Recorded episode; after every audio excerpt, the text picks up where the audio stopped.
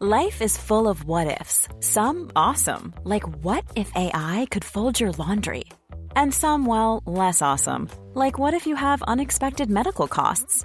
United Healthcare can help get you covered with Health Protector Guard fixed indemnity insurance plans. They supplement your primary plan to help you manage out of pocket costs. No deductibles, no enrollment periods, and especially no more what ifs. Visit uh1.com to find the Health Protector Guard plan for you.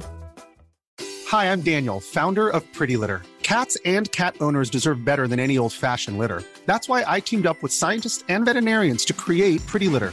Its innovative crystal formula has superior odor control and weighs up to 80% less than clay litter. Pretty Litter even monitors health by changing colors to help detect early signs of potential illness. It's the world's smartest kitty litter. Go to prettylitter.com and use code ACAST for 20% off your first order and a free cat toy. Terms and conditions apply. See site for details. There's never been a faster or easier way to start your weight loss journey than with PlushCare. PlushCare accepts most insurance plans and gives you online access to board-certified physicians who can prescribe FDA-approved weight loss medications like Wigovi and Zepbound for those who qualify. Take charge of your health and speak with a board-certified physician about a weight loss plan that's right for you. Get started today at plushcare.com slash weight loss. That's plushcare.com slash weight loss. plushcare.com slash weight loss. Tuttosvenskan är sponsrade av ATG, eh, våra eh, bästa vänner. Det går ju så bra för oss där inne och vi har det så härligt. ATG.se tutto hittar ni alla våra spel på, både andelarna till Big Nine och våra tripplar och specialspel. Nu till sommaren kommer det komma ut långtidsspel på alla allsvenska lag för de sista 18 omgångarna här. Eh, så det blir ju eh, kanon. Första Big Nine sen där i början av juli är ju också bara allsvenska matcher. Då ska vi ju in och, in och krossa Olen och Wilbacher och gänget. Det ska, det ska vi ändå vara tydliga med. Eh, spela bara om du är över 18 år gammal och om du inte har problem med spel, för då går du till stödlinjen.se istället. Tack ATG!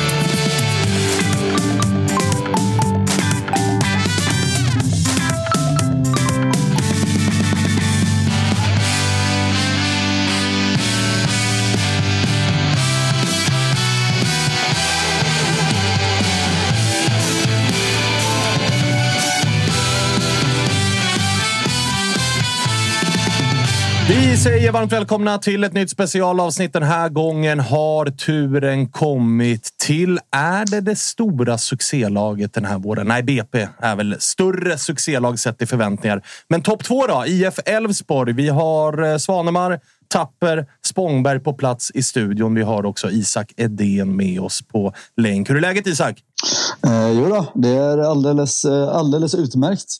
Eh, skönt med uppehåll, men eh, också en eh, härlig vår att se tillbaka på. Hur mycket hade du bara velat fortsätta gasa? Det här uppehållet kommer lite sisådär för er.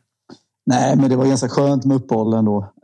Dels lite, lite små skavanker och så också ett tillfälle att stanna upp och njuta lite och se tillbaka. Så det var nog ändå ganska skönt, tycker jag. Tapper Spångberg, hur lägligt slash olägligt tycker ni att det här uppehållet kom för Elfsborg?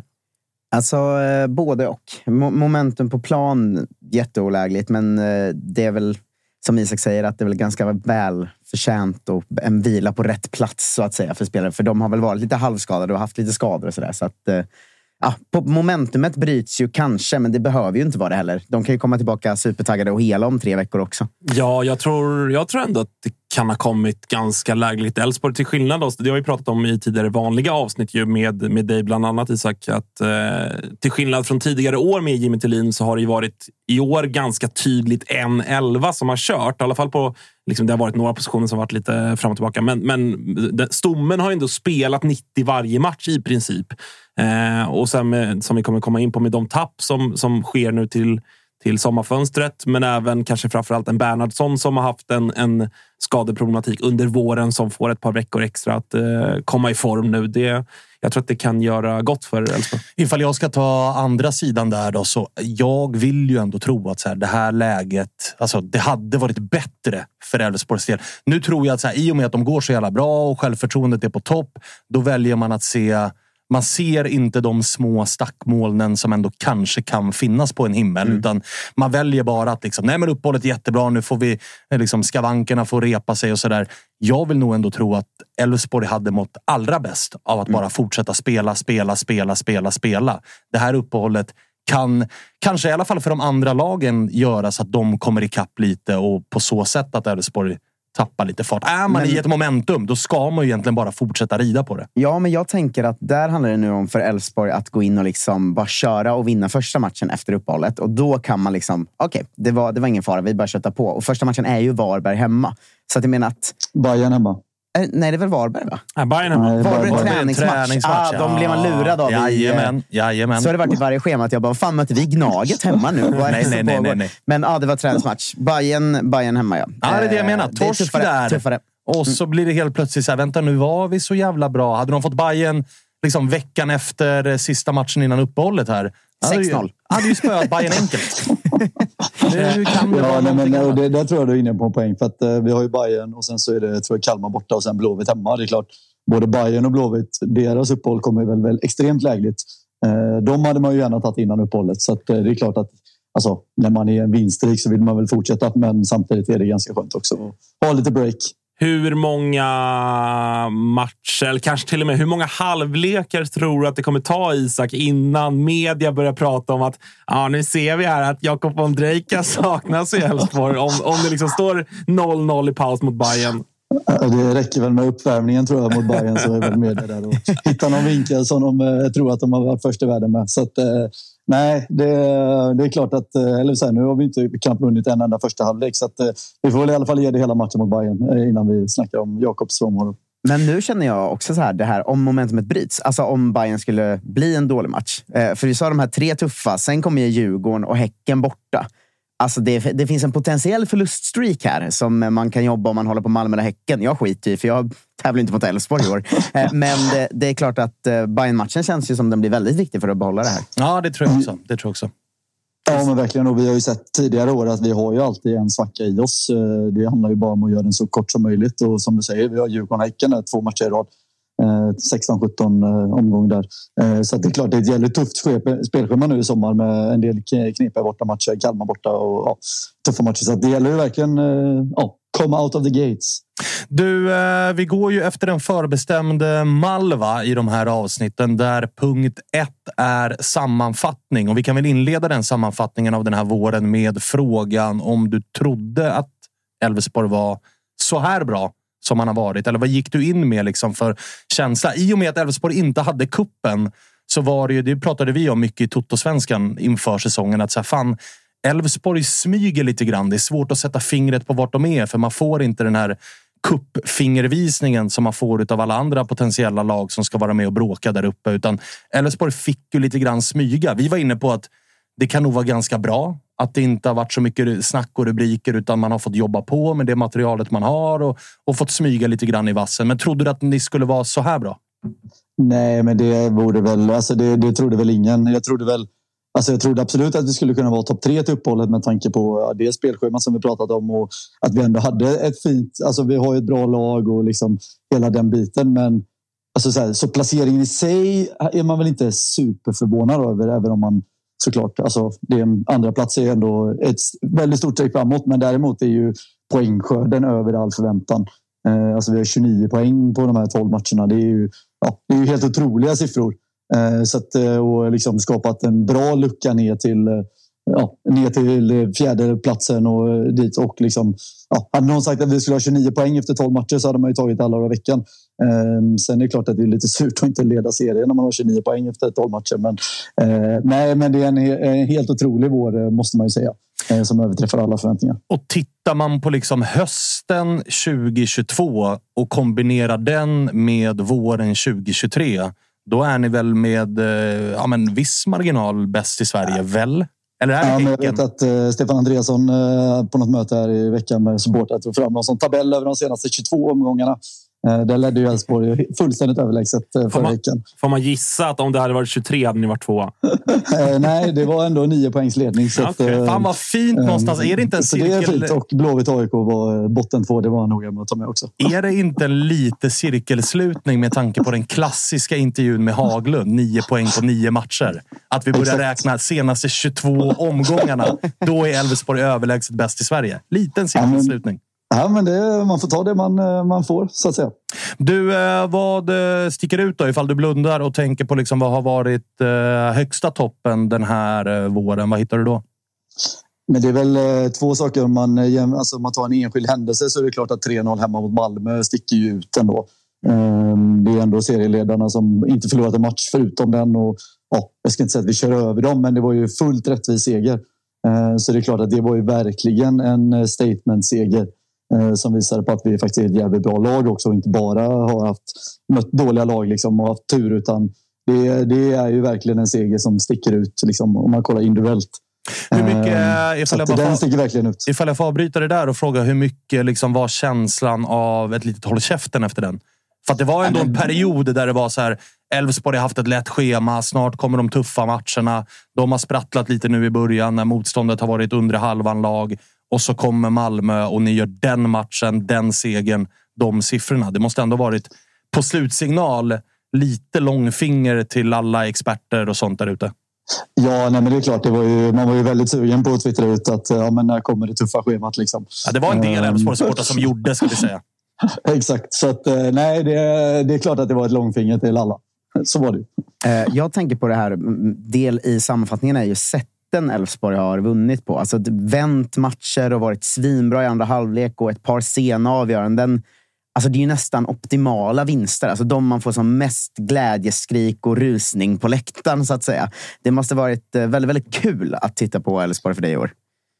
Ja, verkligen. Och också eh, man åldras ju och man tappar hårstrån och man får puls. Och, ja, men det var ju verkligen där, framförallt i början när vi inte såg jättebra ut. Eh, alltså omgång 3, 4, 5 där medan vi vann borta mot Sirius med 4-3 i en riktig sån ja, eh, halabalå-match där det bara svängde och släpptes in mål och avgjorde sent och vände sent och höll på att släppa in en kvittering i 95 igen. Mm. Eh, och så Halmstad hemma där första halvlek var ganska bedrövlig, ligger under med 1-0 och sen så gör vi sex mål på en halvlek och jag tror det var fyra mål på typ 10 minuter någonting. Eh, så då var det ju verkligen den här euforikänslorna nu de sista matcherna just också att det är skönt med uppehåll. är ju mer så här, ja, men vi vinner. Nu har vi gjort det här. Vi har åtta raka. Liksom. Eh, det är inte så eh, exalterande att vinna på Friends. Liksom. Det, är en dag på jobbet. Liksom. Det är tur för dig Isak att du sitter på länk. För att du, du pratar om att liksom åldras och grejer. Alltså, ni håller på med, du, du kör ju någon Benjamin Button-grej i så fall. Medan jag, alltså, prata inte med mig och Spångberg om att åldras den här hösten eller den här våren. Nej, men exakt. Men man vänjer sig vid eh, de olika känslorna. Så att, ja. Ja, jag tänkte på det när du sa att vi har knappt ledat en, en för, haft ledningen i första halvlek någon match. Kommer jag också att tänka på att så här, vänta nu, mötte ni inte AIK på Friends så hade... Jo, visst fan hade ni ledningen i första halvlek. Det räknas typ Det räknas inte. Exakt. Det är någon form av så här, ja, ja, men det, det som Isak är inne på. Det, det är någonting. Ja, men fram till den matchen så var det väl ja, Malmö ledde vi väl i paus och BP tror jag. Resten mm. var det ju kryss eller förluster i första halvlek. Så att, um, det har ju verkligen varit ett... Uh, den här bredden som, uh, som man snackat om som kanske inte så här, det är inga namn vi slänger in, men det tyder ju ändå på en jävla truppbredd och eh, liksom kvalitet. Att vi ja, men kan göra en dålig första halvlek, sen bara gå in och köra i andra och verkligen släppa på bromsarna och gasa. Du, eh, Malmö hemma var ett av två eh, liksom, stora glädjeämnen. Vilket var det andra? Ja, men det är ju försvarsspelet. Ehm, det är ju därför vi är i topplag. Och då pratar vi pratar backlinje, men också ska man komma ihåg då Hakon Valdemarsson i mål och André Römer på defensivt centralt mittfält. Och som jag tror, nummer två August sa det. Eh, alltså alla de har ju spelat i princip 90 minuter också varenda match. Eh, och det har vi inte sett innan kanske och det gör ju också att vi har chansen att vinna varenda match vi ställer upp i eller tar poäng. Eh, det behöver inte sprudla offensivt varje match utan vi vet att ja, men släpper man in mindre än ett mål i snitt varje match så ja, då kommer man vara ett topplag. Det är ju bara Sirius-matchen som sticker ut med tre insläpp. Annars är det ju ja, ett ramstarkt försvar med seriens bästa målvakt bakom. Det har eh, sannoliken imponerat. Spången, du har ju utsett det till eh, seriens bästa defensiv. De har lika många mm. insläppta som eh, Malmö, 10. Men Elfsborg har ändå imponerat mer där. Ja, men det tycker jag. Jag tycker att Elfsborg liksom släpper till färre farliga chanser. Jag tycker att de... Eh, det är fler i den där backlinjen som... Ja, dels som kollektiv, men även individuellt att de imponerar mer. Alltså mm. Malmö jättestarka. Busanello är ju ett av vårens absolut största utropstecken i hela serien och allt sånt där. Men jag tycker att varenda en av de fyra som spelar i Elfsborgs backlinje individuellt också sticker ut på ett sätt som eh, som imponerar. Inte minst jag, Niklas Hult som... Eh, jag var inte helt övertygad om att han skulle vara så bra. Eh, liksom man har sett honom i, man inne i någon landslagssamling då det kändes lite deppigt. Och, ja, men så många andra har han liksom fallit ner i banan på ålderns höst och är ju... Eh, ja, men han är så bra så det, det är sjukt. Så att, eh, jag är djupt eh, imponerad. Ja, ställer, ställer man dem mot varandra också, alltså Malmös defensiv gubbe för gubbe mot Elfsborgs, så är det väl ja, men, relativt jämnt skägg får man ändå lov att säga. Eh, alltså, du väljer ju, på högersidan så väljer du Johan Larsson före Ceesay. Men till vänster kanske då Busanello Hult är väl jämnt där. Liksom. Det är typ mittbackarna, två bästa vänsterbackarna Ja, och sen mittbackarna så, så går det väl också jämnt ut. Du tar väl en av varje kanske med Cornelius från Malmö och sen är det väl bara att välja vem av dem i, i Elfsborg. Men det blir ju mer imponerande att det är så när Elfsborg är ett av lagen kontra laget som har en halv miljard på banken. Mm, jag tycker det är så jävla snyggt med sammansättningen också. Att det är tre liksom superrutinerade spelare som varit ute och visst nosat på landslag, men framförallt gjort mycket internationella matcher och är i ganska bra ålder. Och sen den fjärde är liksom en av allsvenskans bästa unga mittbackar. Alltså det är en väldigt snyggt sammansatt backlinje och eh, alltså Holmén, Larsson, Hult, det de kommer från. Att ha tre sådana i den åldern samtidigt i backlinjen, det är ju det, det, är ju liksom, det kan ju inte bli dåligt, känns det som i efterhand. Det är väldigt lätt att säga nu, men, men liksom, ja. det, det, är en otrolig backlinje. Verkligen. Ja, men och att man, det, så här, tycker man ska lägga till i raden där ytterligare en liksom, eh, hemvändande Elfsborgsgubbe, eller en, flera,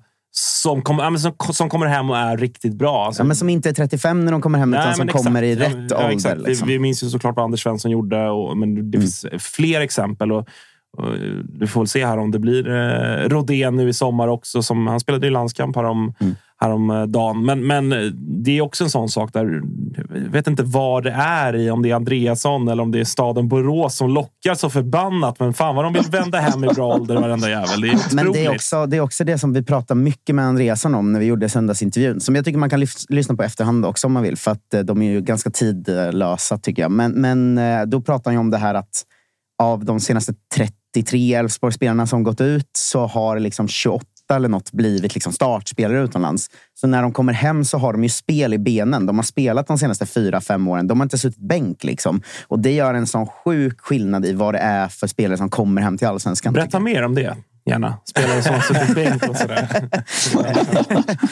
Eh, nej, men det finns ju, man kan se på alla klubbar. Alltså, det gäller ju nästan alla förutom Elfsborg. Ofta får man hem en hemvändare som har varit bänkad i två, tre år. Och så, då tar det något halvår och sen kanske den kommer igång. Och så där. Men, men Med betoning på kanske. Ja, men exakt. Mm. Men Elfsborgsspelarna kommer ju hem och ja, men i princip från match ett kan spela i alla fall. Sen vissa som Hult tar kanske lite tid att komma in i serien. Liksom. Men det, det, de är ändå spelklara och de är i form på något sätt när de kommer. Och det, det gör ju hela skillnaden tycker jag.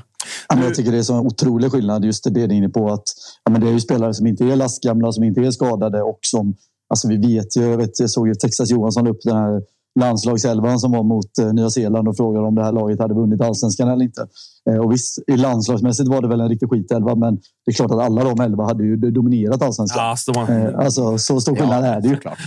Usel tweet. Alltså, ah, alltså, det, var, alltså, det, var ju... det störiga var att man drogs med i den. För jag delade ju elvan och bara skrev, är det här den deppigaste landslagselvan man sett? Ja, men i landslagssammanhang ja, Men då, då har ju folk sett Texas tweets, så då började de svara mig. Så de hade ju såklart vunnit allsvenskan, din jävla idiot. Och jag bara, jo men det är väl klart. Det är... Ja, men för, där, där, där, är man så snabb på att, för att man, man kollar ju med helt andra ögon när man kollar på land. För det är så här, ja, så Hjalmar Ekdal startar ju där. Vi, han slaktade ju allsvenskan förra året. Liksom, som Jesper Karlsson. Ja, så Jesper Karlsson hade gjort vad han ville. Kristoffer Olsson, jag fattar att man i landslaget är lite trött på honom. Hade såklart varit helt överlägsen i allsvenskan. Ja. Vet du vad vi ska vara tydliga med? Victor... Till och med Marcus Rodén hade nog fan ja, varit exakt. grym. Men så Viktor Claesson hade ju slaktat allsvenskan. Ja, ja, ja. ja så alla de där hade gjort det. Alla de där hade gjort det. Ja. Eh, du, innan vi kliver in till tränaren så vill jag också ta Lagerbjälke med dig. Eh, med tanke på att så här, vi pratar om den den där defensiven. Allihopa visste vi ju någonstans vad de gick för innan säsongen sparkade igång. Den som var lite så här det var ju Lagerbjälke med tanke på lånet till Degerfors och så en liten trevande start på den här allsvenska våren. Hur imponerad är du över hur han har kommit in i det? Äh, men otroligt imponerad. Det var ju liksom det enda som pratade runt försäsongen var ju att Gustav Lagerbielke borde spela och så fick han inte spela någonting för att det var två andra mitt eller tre andra mittbackar och Sebbe är ju såklart given som gick före och han började ju de två första matcherna på bänken. Jag tror det är någon sån statistik. Nu har jag inte exakt match i huvudet här, men jag tror Lagerbielke har 27 raka allsvenska matcher utan förlust eh, där han spelat. Eh, det är något sånt där helt galet. Det är helt sjukt att hälften är i Degerfors också. ja, men, exakt.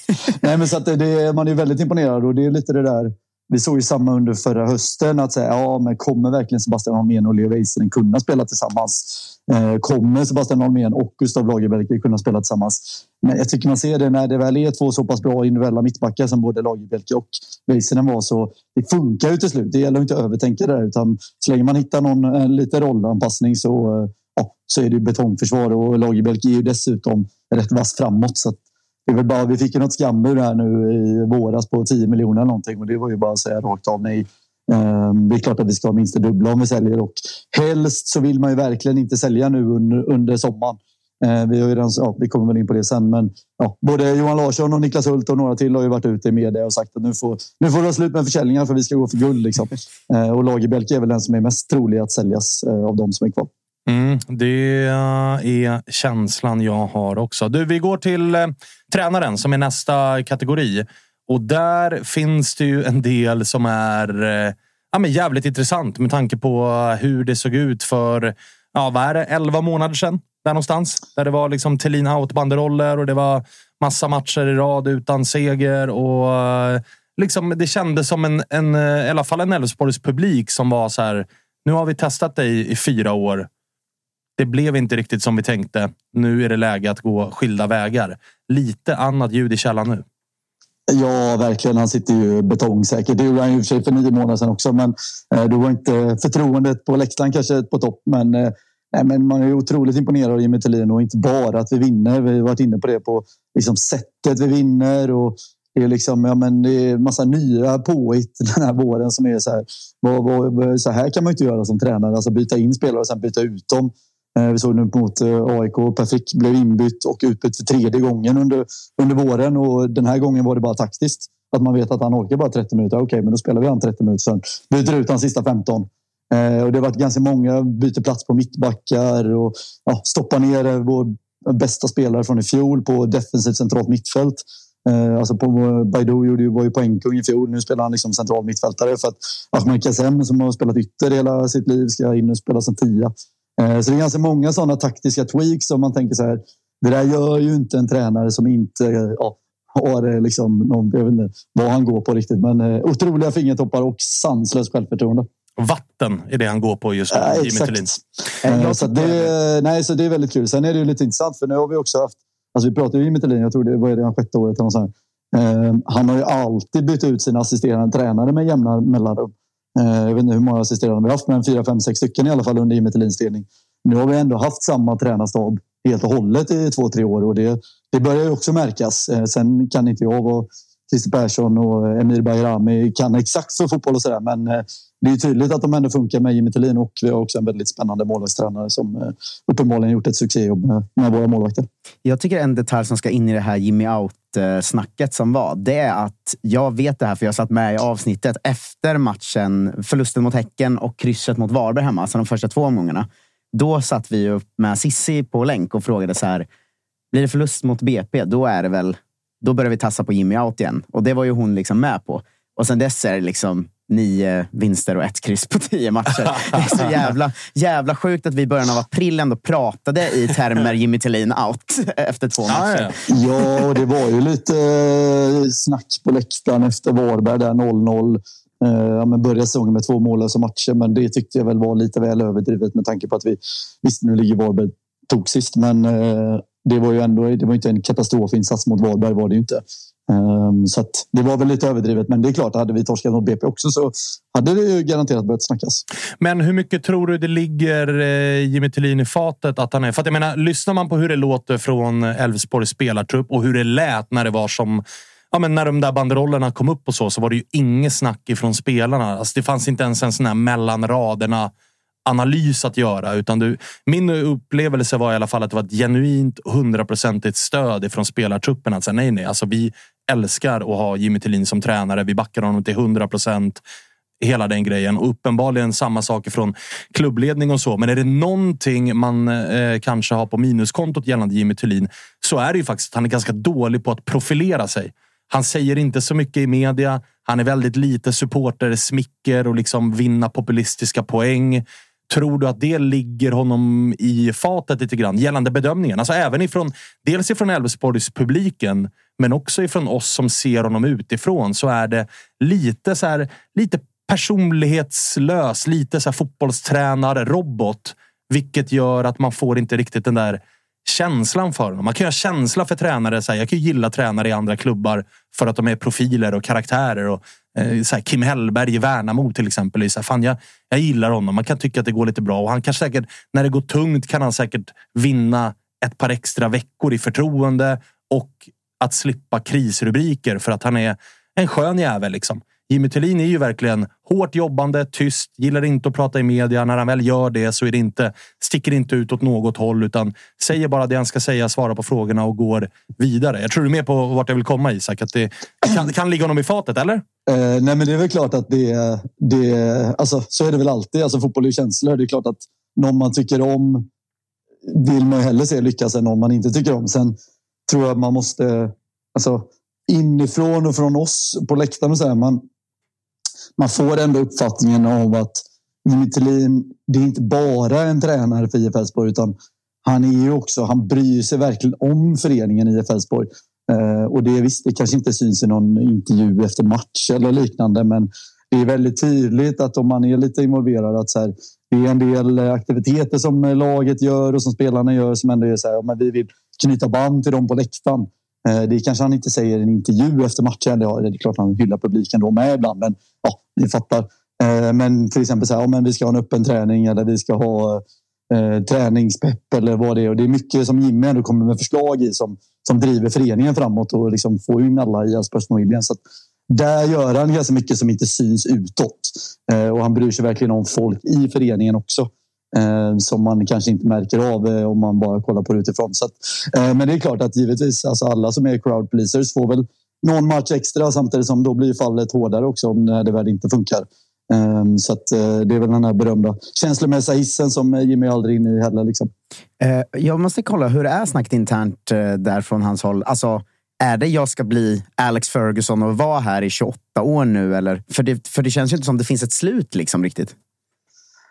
Eh, nej, jag vet inte. Det är väl, de skriver väl en match i taget, eller på att säga, att kontraktet är. Men det, så, är det, så är det väl inte riktigt. Men eh, det var en treårskontrakt. Det är väl två år kvar eller någonting. Och det har väl alltid varit snack om att han ska sitta det kontraktet ut i alla fall.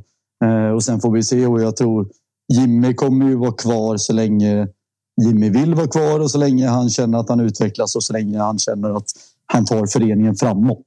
Mm. Eh, om det är sen om ett år eller tio år, det, det är ju svårt att säga. Men det är klart att Jimmy Thedin också har ambitioner och träna så högt som möjligt. Men jag tror han är väldigt nöjd i IF Elfsborg. Och man ska komma ihåg, alltså vi pratar mycket tränare, men alltså han är ju också Sveriges bästa sportchef eh, i princip. Alltså, om man nu ska sätta den tiden. För han har ju hand om alla sportliga värvningar och ja, varenda nyförvärv lyckas ju och han scoutar och byggt upp hela föreningen runt omkring och staben och allt det där. Så att han har ju verkligen han har ju extremt mycket att säga till om eh, och det tror jag gör att han kommer vara kvar längre också eftersom han och så många andra utvecklingsområden. Ett par i, i Stockholm och eh, några nere i Skåne nu som satte kaffet i halsen kan jag säga. Ja, kämpa, det, kämpa det finns ju några som har sportchefstiteln som kanske ska nomineras också, men han är ju där uppe i alla fall. Jag insåg det förut när jag sa att eh, Busanello och Hult är liksom de två bästa vänsterbackarna. Att jag så här, någon gång under avsnittet måste jag lägga in Elias Andersson är också bra, så jag slipper få Djurgården. Nej, för helvete!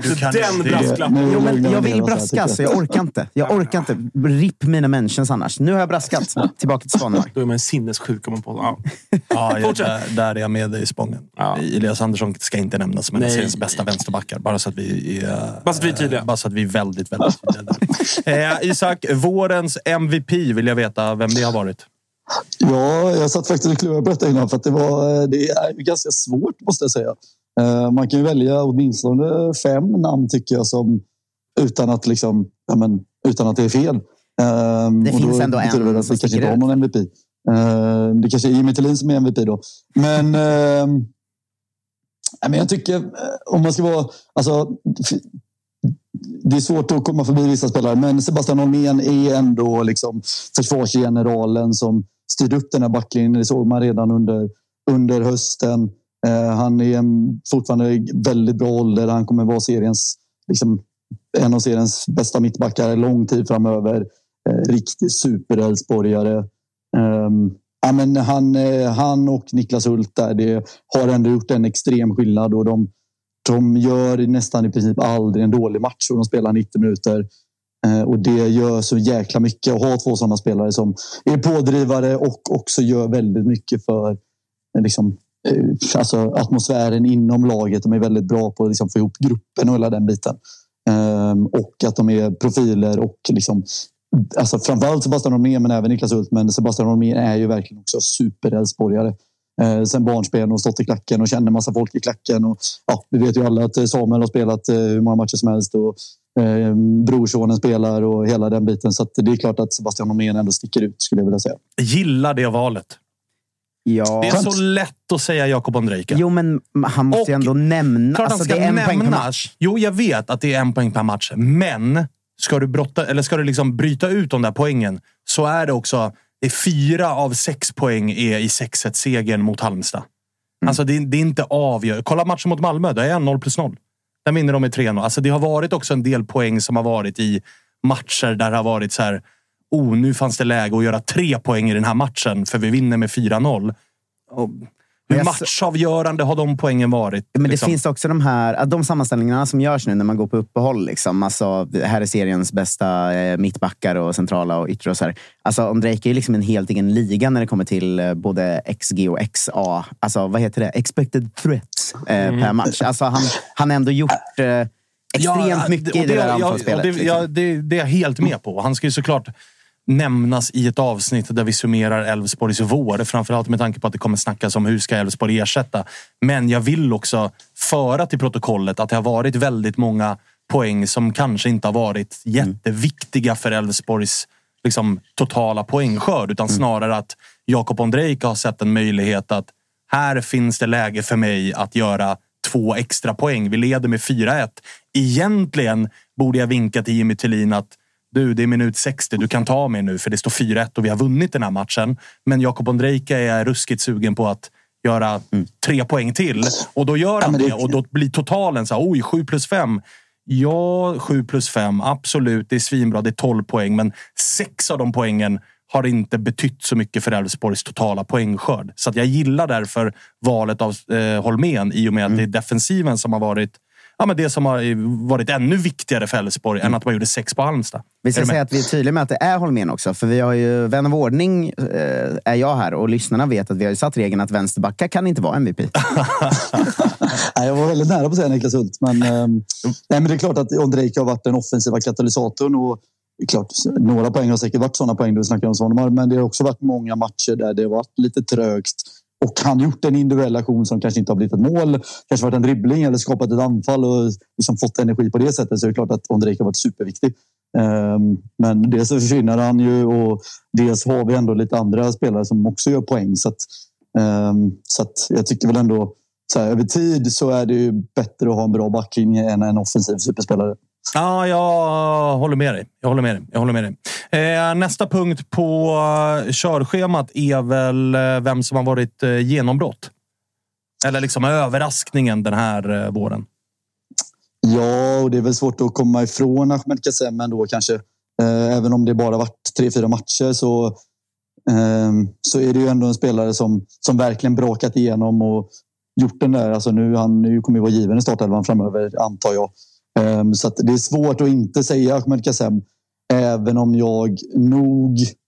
Ah, genombrott och genombrott, men det är klart att Hakon Valdemarsson kanske har gått från en mittenmålvakt till ja, men, bäst i serien enligt mig och de här statistiken man ser och sådär. Så, att, eh, så han har väl också gjort ett jäkla genombrott och han är en målvakt som man knappt ser i allsvenskan eh, för att han är så extremt offensiv. Alltså inte, inte liksom spel med fötterna. Alltså han är Ricardo Friedrich-grejen. Att han liksom springer ut på varenda boll och liksom plockar. Alltså han går ut och plockar ner varenda inlägg. Nu missar han absolut något inlägg här och där och någon utrustning. Men Alltså, det finns inte ett inlägg som går in i boxen som inte Håkan Valdemarsson går ut och försöker plocka. Och han tar ju också nio av tio inlägg. Så att han har gjort en helt otrolig vårsäsong som man kanske inte märker. Och jag vet att det var tror det var Halmstad-matchen. Ledde vi väl visserligen med 2-1 där då, men Halmstad har läge och skjuter, ja, skjuter och bollen går ut i inspark. Och han kommer bara springa och ta bollen, passar den direkt och vi har mål fem sekunder senare i princip. Så att han är extremt snabb på att sätta igång spelet och det ser man inte någon annan målvakt göra i allsvenskan. Typ. Finns det några liksom, jag vet inte exakt hur hans kontraktsituation ser ut. 20, 2027, så det är ju ett ja, såklart. kontrakt. sitter med ett jävla ja, men, men finns... För att vi har förlängt det tre gånger sedan han kom, tror jag. Så att, ja. Vi har ju pratat så mycket i de här avsnitten om så här, huruvida en klubb är välmående eller inte. Och man har ju aldrig haft så lätt att landa i en klubb som Elfsborg. Alltså. Nej, nej, nej. Herregud. det är klart att de sitter på seriens bästa målvakt som är 21 år gammal och han har kontrakt till 2027. Alltså, det är givetvis är det så. Man vet ju att så här, snart kommer någon ny spelare breaka igenom så kommer det vara så, fan, han kanske, han kanske går i sommar. Äh, kontrakt till 2036. alltså, allt är bara kanon hela tiden. Elfsborg kommer bli först i Sverige med att göra de här Chelsea-kontrakten. Ja. Nio års kontrakt på, på den här nya gubben. Men för jag menar, han... Det var ju en situation med Tim Rönning som var för ett par, inte alls många säsonger sedan, liksom en av seriens mest uppskrivna målvakter. Och Han ville väl ut och det blev ingenting med det. Och Nu sitter han plötsligt på bänken, vilket ändå Alltså, jag menar, han har inte blivit en dålig målvakt plötsligt. Eh, skulle du liksom säga att det kommer ett bud här under sommaren, skulle du vara fine med eh, att släppa Valdemarsson? Förutsatt att det är ett bra bud såklart. Ehm, ja, alltså, som sagt, vi har ju Tim och eh, en annan målvakt. Så det är klart att vi har väl täckning, men eh, jag tror både Hakon och Elfsborg vill att han ska göra ytterligare ett halvår. Eh, dels för att ja, men, läget i tabellen och allting och att han är given. Plus alltså, målvakter går ju sällan utomlands för stora pengar. och vi ska komma ihåg, han är med nu i isländska landslaget. Jag tror, och han, jag tror han är andra målvakt numera. och jag tror att han vill väl stå tills han åtminstone får ja, en permanent landslagsplats. Eh, så att han inte tappar den för att han har på bänken tre månader utomlands. Eh, det tror jag spelar ganska stor roll i hans beslut. Ehm, så att eh, jag tror absolut att ehm, Hakon, om, inte, om det inte kommer något monsterbud, det vet man inte, men jag tror att Hakon stannar. Ehm, och ja, det, det hade varit väldigt skönt om Ready to pop the question? The jewelers at BlueNile.com have got sparkle down to a science with beautiful lab-grown diamonds worthy of your most brilliant moments. Their lab grown diamonds are independently graded and guaranteed identical to natural diamonds, and they're ready to ship to your door. Go to Bluenile.com and use promo code LISTEN to get $50 off your purchase of $500 or more. That's code LISTEN at Bluenile.com for $50 off. Bluenile.com code LISTEN. I'm Sandra, and I'm just the professional your small business was looking for. But you didn't hire me because you didn't use LinkedIn jobs. LinkedIn has professionals you can't find anywhere else, including those who aren't actively looking for a new job but might be open to the perfect role, like me. In a given month, over 70% of LinkedIn users don't visit other leading job sites. So if you're not looking on LinkedIn, you'll miss out on great candidates like Sandra. Start hiring professionals like a professional. Post your free job on linkedin.com/people today. Everyone knows therapy is great for solving problems, but getting therapy has its own problems too, like finding the right therapist, fitting into their schedule, and of course, the cost. Well, BetterHelp can solve those problems. It's totally online and built around your schedule. It's surprisingly affordable too. Connect with a credentialed therapist by phone, video, or online chat, all from the comfort of your home. Visit betterhelp.com to learn more and save 10% on your first month. That's BetterHelp H E L P.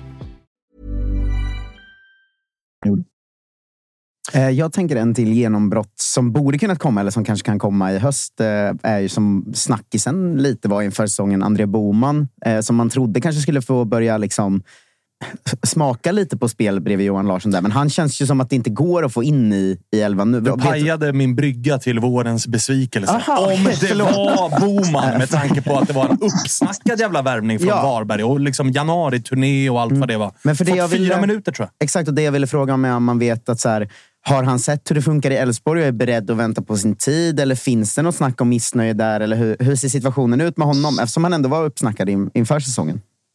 Eh, nej, men jag tror han... Eh, alltså, nu har ju Johan verkligen växt, växlat upp en nivå till från föregående år. Eh, I fjol var han ju kanske lite av en besvikelse. Nu är han ju klass igen. Eh, så jag tror eh, Boman fattar väl att det, det tar lite tid att komma in i den där backlinjen. Och han har väl sett på eh, spelare som Michael Beidou som satt ett halvår på bänken och inte gjorde en sekund och sen så fick spela under hösten och gjorde succé. Ehm, så det är väl Elfsborgsmodellen så jag tror inte det, det finns någon missnöje eller någonting än. Sen det är klart, han kan inte sitta på bänken hela året utan att speltid. Ehm, med tanke på dessutom att Johan inte är lastgammal och Niklas Hult inte heller är lastgammal. Ehm, men än så länge är det absolut inga konstigheter där. Det finns ingen eh, realitet att han lånas ut i sommar? Eller? Nej, det tror jag absolut. Framförallt, vi har ju inga andra ytterbackar heller. Så att, eh, nej, han kommer inte lånas ut. Vi kommer låna ut kanske någon annan, men inte, inte André Boman. Med facit i hand måste jag ändå få flika in att det är en så märklig värvning väl? Alltså från Bomans håll. Mm. Att så här, vilken 21-åring som har blivit uttagen i en januari-turné och spelar i Varberg går till en annan klubb där det ett, din närmaste konkurrent är deras lagkapten som har vänt hem och som typ redan förra säsongen och året dessförinnan har varit liksom superbra. Mm. Två, vilken 21-åring skriver på avtalet där det är så här, eh, bara så du vet, du kommer få det är, det är tålamod som gäller här. Mm. Han har du såklart också nog... skrivit 2027-kontrakt. Ja, och du kommer få sitta... du, du, det är se och lära här ett tag. Mm. Alltså det, det, på så sätt så är det ju faktiskt en så märklig övergång. Efter ett, nu är vi ett halvår in. Att så här, jag ser inte när han ska få speltid. Eller så, Vad är det som talar för att han kommer få speltid? Men det kanske är jättesmart. Alltså, han kanske går ut som 25-åring nu och är svinredo på ett sätt han inte hade varit annars. För att han har gjort en säsong här på bänken och sen börjat komma in och sen blir superbra. Så som allt alltid funkar i Elfsborg. Liksom. Det kanske är jättesmart av honom. Ja, ja, men jag tror verkligen du är inne på det Tapper. För att, alltså, det är ganska, vi har ju extremt många sådana spelare som inte spelar en sekund första halvåret eller första året ens. Liksom. Ehm, och jag tror att man ser den modellen och att man man får spela när man är redo. Det är klart att så här, jag menar, Elfsborg ligger ändå tvåa, Varberg ligger sist. Det är klart, alltså, han utvecklas och vara en träningsmiljö och få gå bredvid Johan Larsson och plus att vi har ju faktiskt ingen annan ytterback än... Alltså han är ju första reserv både på vänsterback och högerback och det är klart att Niklas Hult har haft lite eh, ont under våren. Han har spelat hela varje minut men liksom gjort det på eh, ja, smärtstillande. Eh, Johan Larsson har studsat tillbaka men ja, det, det, kommer ju finnas speltid. Liksom. Eh, så att jag tror inte han känner än att det är något större problem. Men man undrar vad fan det är Andreasson och Jimmy Thelin säger och gör ja, för alltså, att få spelare att gå med på det här. För spelare, det är det jag menar. Vi alltså, alla vet. Från ett spelarperspektiv så ja. är det ju... Det är klart att det är bättre att vara i Elfsborg som ligger tvåa än Varberg som ligger sist. Men det måste ju funnits fem alternativ som har varit så här. André Boman, du kliver in och är given i vårt lag mm. och spelar i ett lag som ligger sjua i alla fall. Alltså gå till Peking given i startelvan och spelar varje match och sen så eh, när du är 22 så blir du såld till holländska ligan för 10 miljoner. Mm. Nej, jag går hellre till Elfsborg och sitter på bänken ett år. Men det jag tycker är speciellt är att vi alla, vi har pratat med så mycket spelare och vi vet hur spelare är. Och spelare är liksom hybrisdrivna galningar alltid och det måste de vara för att bli bra. Men hur får de en sån kille, eller 20 såna killar på några år, att liksom gå med på att sitta bänk? Jag fattar, det är ju ingen annan klubb som lyckas med det. Nej. Nej, och det är väl, det är väl Jimmy Thelins största styrka då, som tränare skulle jag säga. För att, Eh, jag tycker det har varit väldigt intressant att höra Ahmed Kassem intervjuer där. Han kom ju som superhypad 17-åring och var given i division 1. Eh, och sen knappt ja, fått göra lite inhopp här och där. Och, så har väl sagt själv att han varit lite besviken för att han inte var redo. Men, eller för att han tyckte att han var redo såklart som 17 år för att spela i Allsvenskan och har gjort lite inhopp och sådär.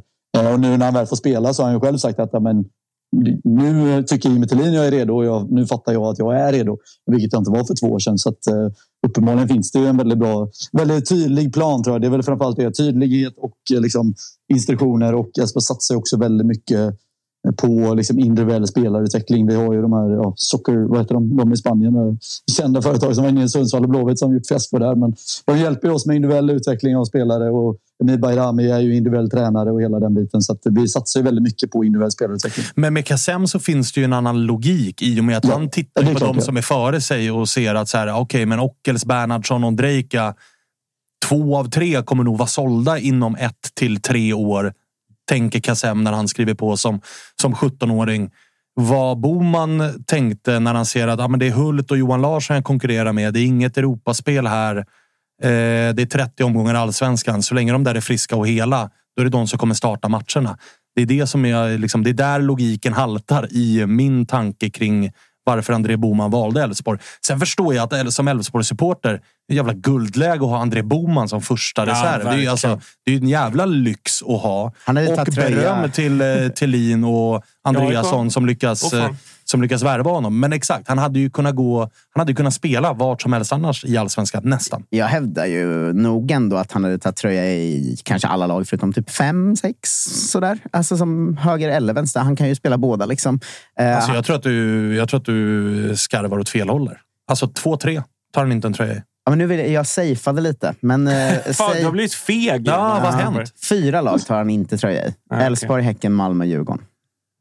Resten tar han tröja i. Jag säger att han tar tröja. Han petar ju inte Phil i Halmstad i och för sig, men resterande. Ja. Ja. Ja, ja, okej. Eh, men vårens besvikelse då? Vad landar vi? Eh, alltså det som är... Eh, det finns ju inte jättemycket, men det finns ändå något som, är, som skaver inför sommaren och som man, eh, som man börjar bli lite orolig och irriterad på. Eller inte irriterad, förlåt. Orolig är rätt ord. Eh, och det är ju Alexander Bernhardssons återkommande skador.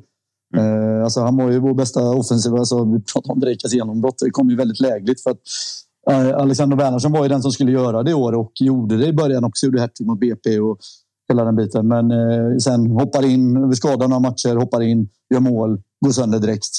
Ehm, det, det är klart att han måste ju vara frisk under hösten om vi ska ha en toppstrid. För att så mycket offensiv kraft har vi inte annars. eh, Nu när Ondrejka lämnar. Så att det, han måste vara frisk. Det, det finns inget annat. Finns det någonting, nu är ju besvikelse kanske fel ord, men finns det någonting ifall vi hade lagt in en annan rubrik, att så här, vårens sorg. Är det att inse att det är över lite grann för Per Frick? Fan vad du älskar att ta upp den där eh, vinkeln, eh, Svanemar. Eh, Du har något emot Per Frick verkar det som. Älskar. Per Frick. Det är därför det är, det är ju en sorg. Det, är en sorg för mig. Att så här, fan, han är inte gjuten i en startelva längre. Är det någon i Eh. allsvenskan? jag- Alltså, han är liksom fortfarande en symbol för allsvenskan för min del. Jag vill ju Ja. aldrig att det ska vara över för Per Frick. Han är ju det finaste vi har. Det är det jag Så menar. ehm, nej, men det är klart. Alltså, så här, det här är ju också, det är också skador. Alltså, vi har ju haft de här och Gudjonsen har väl gjort det bättre än vad han gjorde i fjol. Men det är klart att han är ju fortfarande inte... Alltså, det är ju ingen spelare som imponerar och jag tycker Per Frick är ju bättre när han väl spelar. Så att han måste ju också bli frisk om, vi ska, om det ska funka över tid. Sen, eh, sen kommer jag inte om det kommer någon kategori om det sen. Men vi har ju en 18-årig Ghanan som kommer in i sommar här som är en jävla superjoker. Såklart. Eh, och som ser eh, helt otrolig ut, måste jag säga. Ja. Jag såg han 45 minuter i en u match och tänkte att herregud. Alltså. Eh, Så att, eh, där, där har vi näst, inte, årets, inte höstens skyttekung kanske, men nästa års skyttekung. Eh, Jalal Abdullahi. Lägg det namnet på minne, säger jag bara. bröderna Gudjonsen har ju inte tagit svensk fotboll med den storm man trodde. Nej, Nej, inte, inte. på planen i alla fall. Sen så, De är väl tre, va? En i Malmö också, va? Ja, men han är ju Ja. typ 16. Jo, han är jo, men alltså, Malmö, nu. Peking, Elfsborg. Ja, Ja. exakt. Mm. Plockade, plockade en av varje. Liksom. Undrar om man singlade slant eller hur man gjorde det. Eidur eh, är ju att kolla lite på. Han var ju och kollade på eh, Peking-Elfsborg nu. Eh, han, han, känns, han, han ser verkligen ut som en gammal fotbollsspelare ska se ut. Liksom- Såklart han valde den. Ja, men- när det var liksom bröderna mot Exakt. varandra. Men sitter på läktaren och är lite så, ja, men lagt på sig lite kilon, tar någon bärs, lite korv. Alltså, ni vet, så som man tänker sig att Eidur Gudjonsen lever bra. sitt liv Det är idag. bra. Det är bra. Drömmen. Eh, sista kategorin här då. Det är eh, lite transferkategori. Eh, vad behövs in? Vad behövs ut? Tar vi Ondrejka Gate direkt så låter det ju som att Kassem kliver rakt in och liksom ersätter och blir given i startelvan. Han har väl fyra starter när vi eh, klev på uppehåll, men det lär väl bli desto fler nu. Ja, men absolut. Sen är väl frågan om man eh, ska spela tia eller om man ska spela kant. eh, Så. Eh, Det återstår väl att se och det beror väl lite på vem som, vem som kommer in. Eh, Vi kommer ju värva en ytter. Det verkar vara ganska klart. Sen tror jag det är eh, en Elfsborgsytter. Så att eh, en sån värvning vi gör att ja, men det är eh, ja, förmodligen eh, Camille Barra då från Landskrona ligger väl bäst till just nu. Eh, Och det är klart, han kommer inte gå in och ersätta Ondrejka nu under hösten. Men ja, eh, kanske gör det nästa år, eh, så som vi värvar. Jag kollar på det faktiskt. Det var lite roligt i truppen. Om man kollar så jag tror det är nio spelare som kommer från lägre divisioner. Alltså en andra division eller något, något liknande. Eh, det är knappt en enda värvning från en högsta division som ska gå rakt in i, i startelvan i hela truppbygget. Eh, så att det är väl en typisk sån eh, värvning. Ehm, men så jag tror Kassem spelar nog 10 eller ytter beroende på om Marcus Rodén kommer eller inte. Det är väl den stora jokern i sammanhanget. Liksom. Eh, finns det någonting annat som behöver göras eller är det liksom det enda som kommer att hända tror du?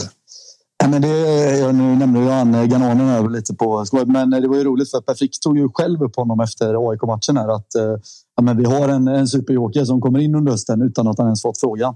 Um, så det, och jag menar, det vi pratat om det innan. Det är ju centrala anfallare där vi som absolut svagast uh, om man jämför med övriga topplag. Uh, det är klart, vi har ju ingen Benit Traoré eller Kiese eller uh, ja, Totte Nyman eller no något liknande. Så att, uh, Eh, nu ska man inte hänga upp vårt eh, offensiva hot på en 18-åring från Ghana som inte gjort en sekund i svensk fotboll. Men ehm, det, det, är väl, eh, det är väl där vi måste värva och ehm, det, förhoppningsvis kan han göra minuter redan under hösten.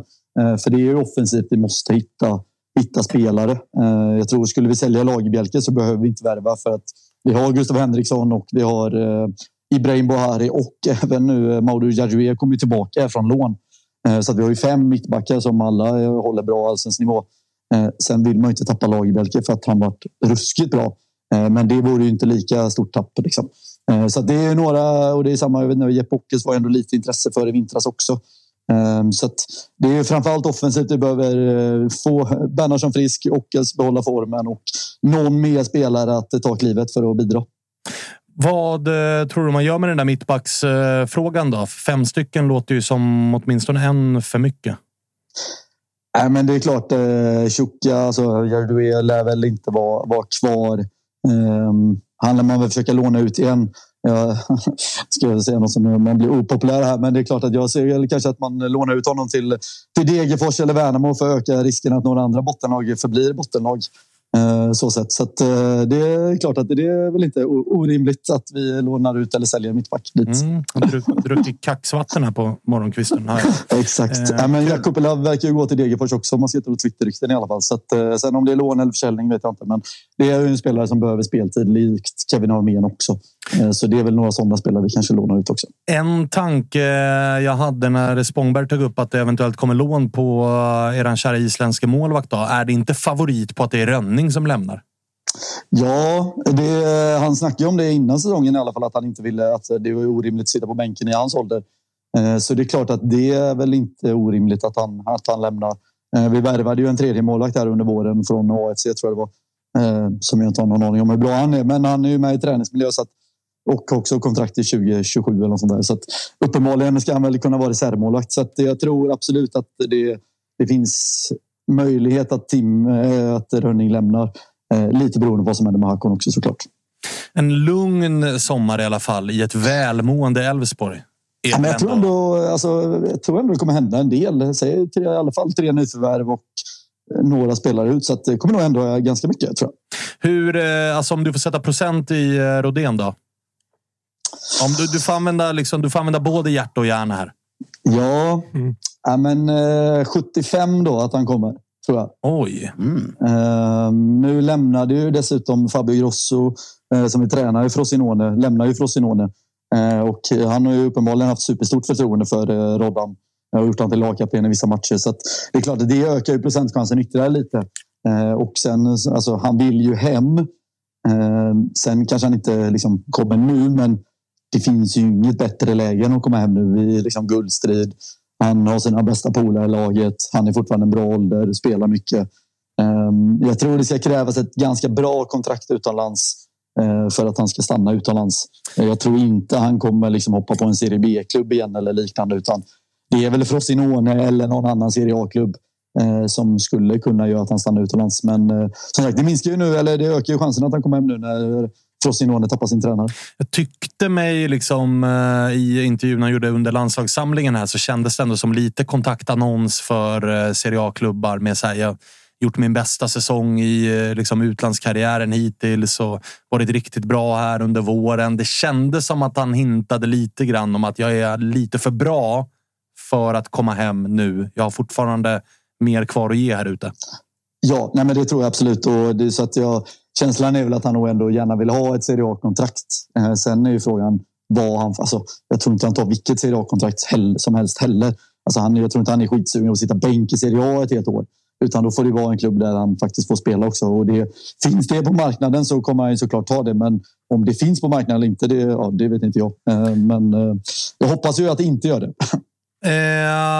Jag vänder mig till Spångberg, jag vänder mig till Tapper. Elfsborg givna topp tre när vi har spelat 30 omgångar. Mm. Ja. Det känns ju verkligen så. Jag har ju... Om det är några som ska utmana om topp tre så är det ju Djurgården och då tror jag att med eh, allt som ska kvalas och hända i sommar och bla bla, så tror jag att det liksom är Häcken som är närmre i så fall. Men jag tror att det blir Häcken, Elfsborg, Djurgården just, eller Häcken, Elfsborg, Malmö just nu. Det har svängt alltså? Eh, ja, jag, jag, det, ja. Vi tog alltså ett bett för en och en halv vecka sedan. Ja, jag vet, men man svänger ju hela tiden. Men, ja, men det är Häcken eller Djurgården är det. Men ja. Elfsborg och Malmö känns klart. Ja, men det får man väl säga. Just, just av anledningen du säger att eh, jag har svårt att se att Elfsborg ska bli särskilt, om ens något, försvagat i sommar. Snarare mm. kanske, kanske stärkt. Till skillnad då mot, mot Häcken. Vi får väl se. Det är ju spekulation. Vi spelar in det här 19 juni. Men sen så ska men, man men, säga att ja. vi vet ju inte. Eller, jag håller ju med om det eh, Isak sa förut. Att utöver poängen, det är ganska ofta det varit lite låst i matcher och det är Ondrejka som har låst upp dem. Så jag tycker det var hemma, hemma eh, för oss när Elfsborg vände och vann också. Att så här, han gör liksom ett par grejer som öppnar upp matchen för Elfsborg. Och så tycker jag det sett ut ganska många gånger. Så att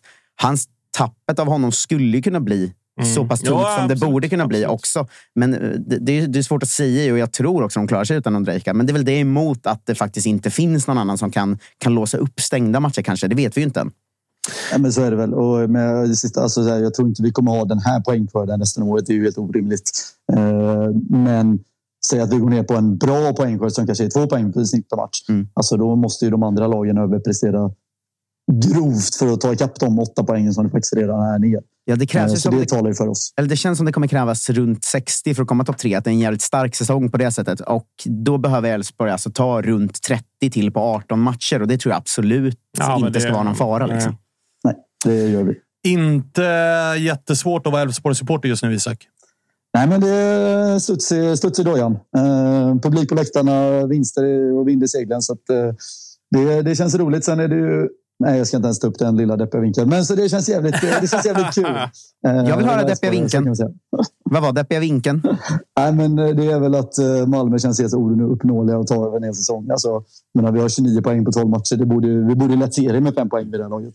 Ja, men om den deppiga... Vi ligger tvåa, så det är lite synd att man inte känner den här riktiga guldstridsvippen. Men det kanske kommer om några omgångar. Ja, men om den deppiga vinkeln är att ni är överlägset näst bäst, då får du fan leva med det. ja, men, men, men man vill ju alltid Läge att vara girig. Helvete. Eh, gott så då. Det här var Elfsborgs avsnittet. Tack för eh, medverkan Isak. Tack för att ni ringde. Vi eh, hörs då. Tapper, Spången. Vi hörs eh, säkerligen redan i nästa avsnitt. Ja, verkligen. Så blir det nog. Tack för att ni har lyssnat. Vi hörs imorgon. Hej, hej!